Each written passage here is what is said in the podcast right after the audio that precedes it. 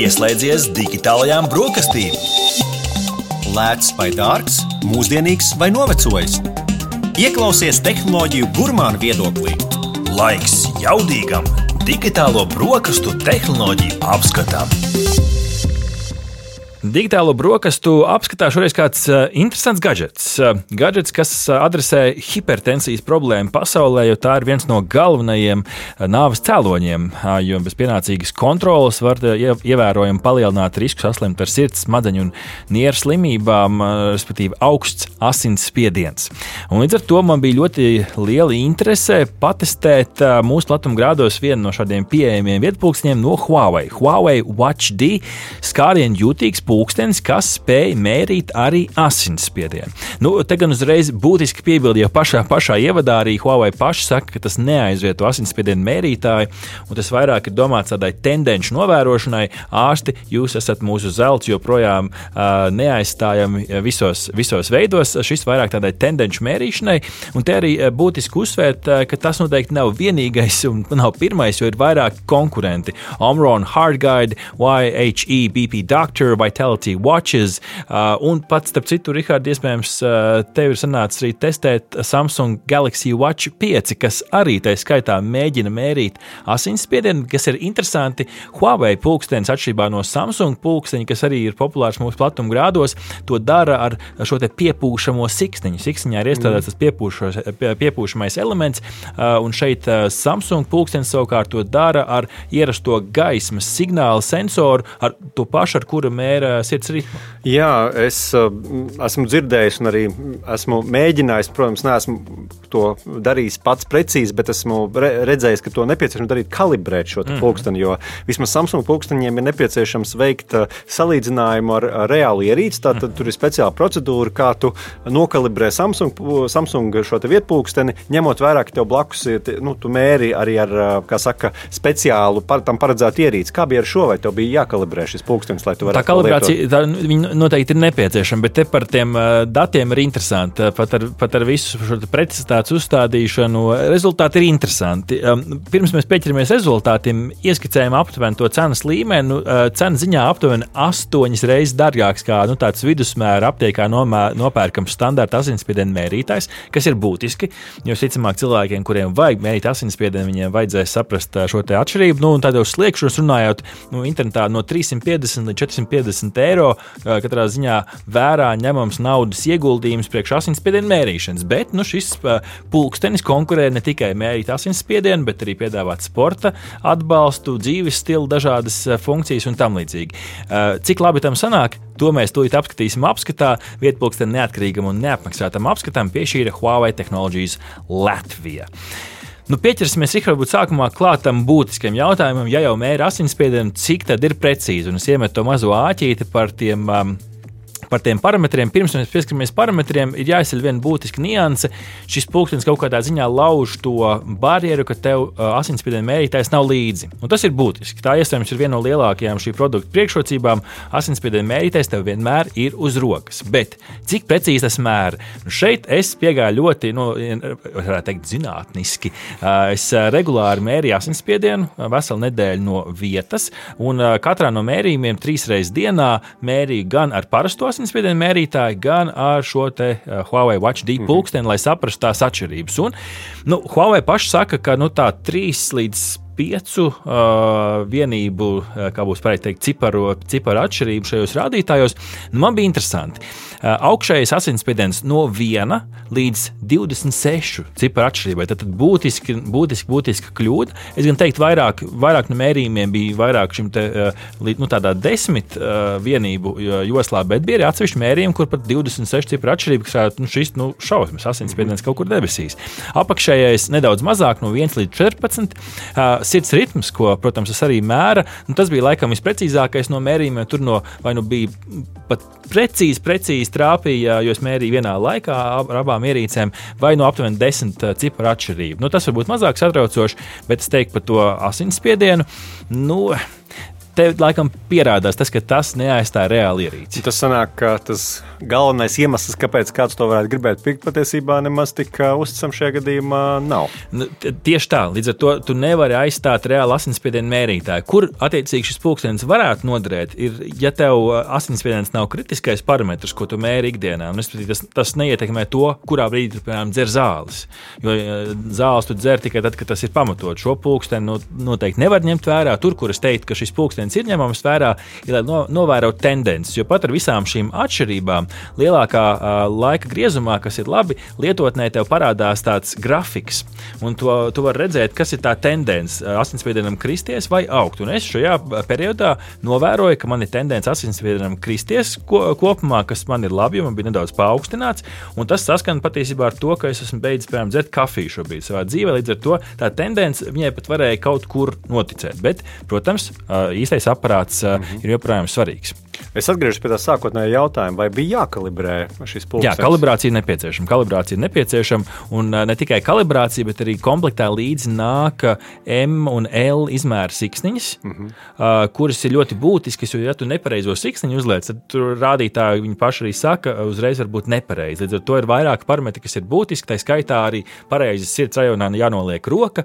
Uh, nu, visā citādi strādā kā sirds asinsspiediena mērītājs. Man sanāca aptuveni 21 sekundes ātri izmēra arī, un, attiecīgi, lietotnē pēc tam tos datus tu vari redzēt, kas ir labi. Lietotnē datus arī var ievadīt. Tad, tad tu vari arī ievadīt no kāda cita asinsspiediena mērītāja, tu aizēji uz aptieku, pie ārsta un tā tālāk. Tu teici, roka jāpieliek pie sirds, nu, piemēram, sežot kafejnīcā, to varu izdarīt, jā, vai man tur jāģērb no krēsla? Izskatīsies, ka tu, izskatīsies, ka tu austiņās klausies himnu un uh, gribi uzlikt roku sirds, bet visādi citādi, jā, patiešām tas strādā, nekas nostāv nav jāvāk, tādā ziņā ērtāk.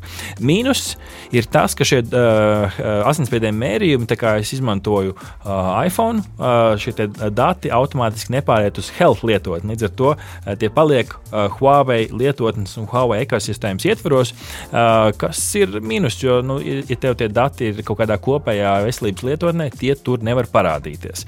Um, jā, vēl viens mīnus ir pati siksniņa. Es pieminēju, ka tā, tā ir šis te, mm, piepūš, mm, elements, kas piepūšās, uh, lai no, nu, iz, teikt, radītu spiedienu pareizajā vietā vietā uz, uz roku priekšmērījuma, nu, tas ir no tāda moderna, bet gan auduma.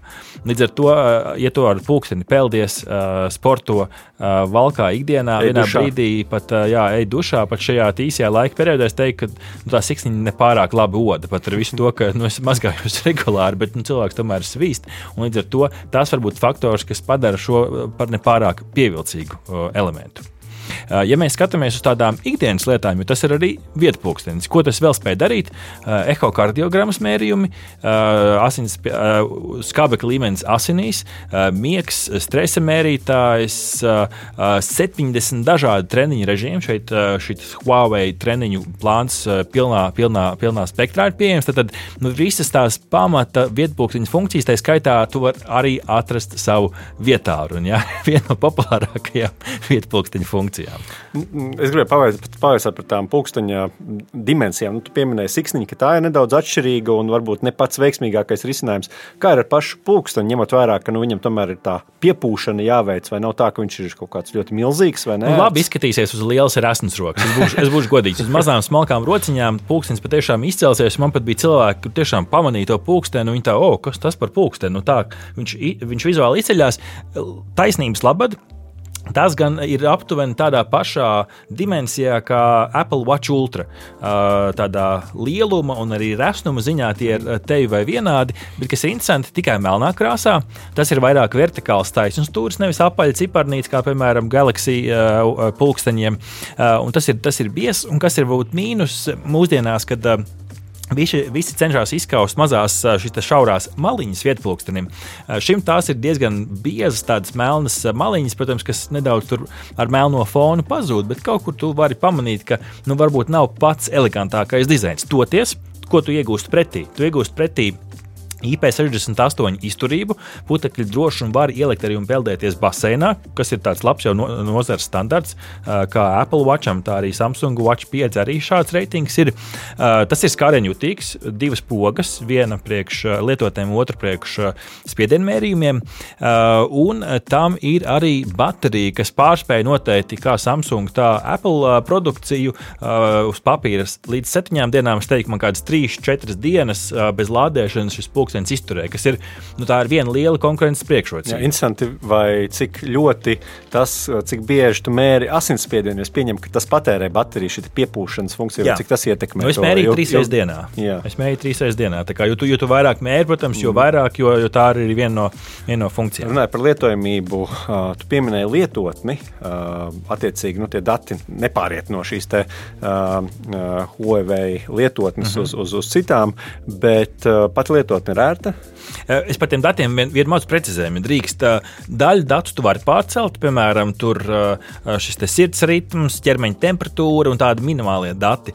Būtisks trūkums šeit, kāpēc es vēl negribētu šo pulksteni izmantot, nesot Huawei ekosistēmā. Mm -hmm. Tas mhm. ir būtiski. Ja tu esi Huawei ekosistēmā, tā ir cita lieta. Ja tu lieto Samsung, Sony, Xiaomi, Apple vai kādu citu vietālu, sporta dati nepāriet uh, uz visām lietotnēm. Pirms, Tikai Strava, Strava. Uh, Komoot un Adidas Running. Šīs trīs lietotnes ir sajūgtas. Pārējās lietotnes tavus sporta datus neredzēs. Piemēram, bet Strava ir ļoti populāra. Strava ir ļoti populāra. Tā ir pienākusi kopš ar update klāta, kas ir labi, bet, nu, piemēram, uh, Samsung Health vai arī Apple Fitness lietotnē šie dati neparādās. Mm -hmm. Tātad sportistiem uh, vērā ņemams um, trūkums, uh, bet uh, atgriežoties pie tā jautājuma par lietotni, lietotne vienkārša pāris sadaļas sadaļas dati tiek atspoguļoti grafos. Es teiktu, tāda standarta pieeja, nedaudz tāda minimalistiska, nav tik sarežģīta varbūt kā Garmin, kur ir ļoti mm -hmm. daudz dažādas sadaļas. Uh, bet es teiktu, drīzāk tādā Samsung Health lietotnes uh, virzienā. Un arī pašā pulksnī var redzēt tos datus, vai tomēr jāvērojā telefons, lai reāli sekot līdzi? Pulkstenī var redzēt, Bet tas laikam tikai, lai ātri saprastu, kā, nu, kā, kā tur izskatās. Iedziļināties ir grūti, jo nu, tur vienā brīdī nu, tu neredzi vairs to pilno, pilno līniju tam grafam. Uh, tu redzi, protams, asinsspiedienu mērījumus, tu vari apskatīties, kā tad, kā tad bija. Tā kā, nu, tur tāds kompromiss tomēr ir jāstaigā starp šīm, starp šīm abām lietām. Jā, vai, vai ir pūkstni iekšā kaut kāds tumbiņš, ka tu vari pacelt telefonu, piemēram, vai ierakstīt kāds balss zvanus? Es vai... ar Apple, protams, Apple vietā un nedraudzējos ar Huawei Huawei produkcija, līdz ar to arī ziņas es rakstīt nevarēju. Uh -huh. uh, un tumbiņa tur, tur nav. Ir mūzikas pārslēdzējs, bet ne mūzikas lietotnes. Tad, tad šis arī ir viens no mīnusiem. Ja tu esi Spotify, Deezer vai kāda cita liela straumēšanas platformas lietotājs, tu nevarēsi klausīties mūziku tādā veidā, tu vari pārslēgt tikai mūziku ar mūzikas kontrolieri. Līdz ar to jā, pēdējā piebilde par tehniskām lietām bezvadu lādētājs ir. Tad, tad nav jāsprauž, var uzlikt uz magnētiskā spilventiņa un viss notiek.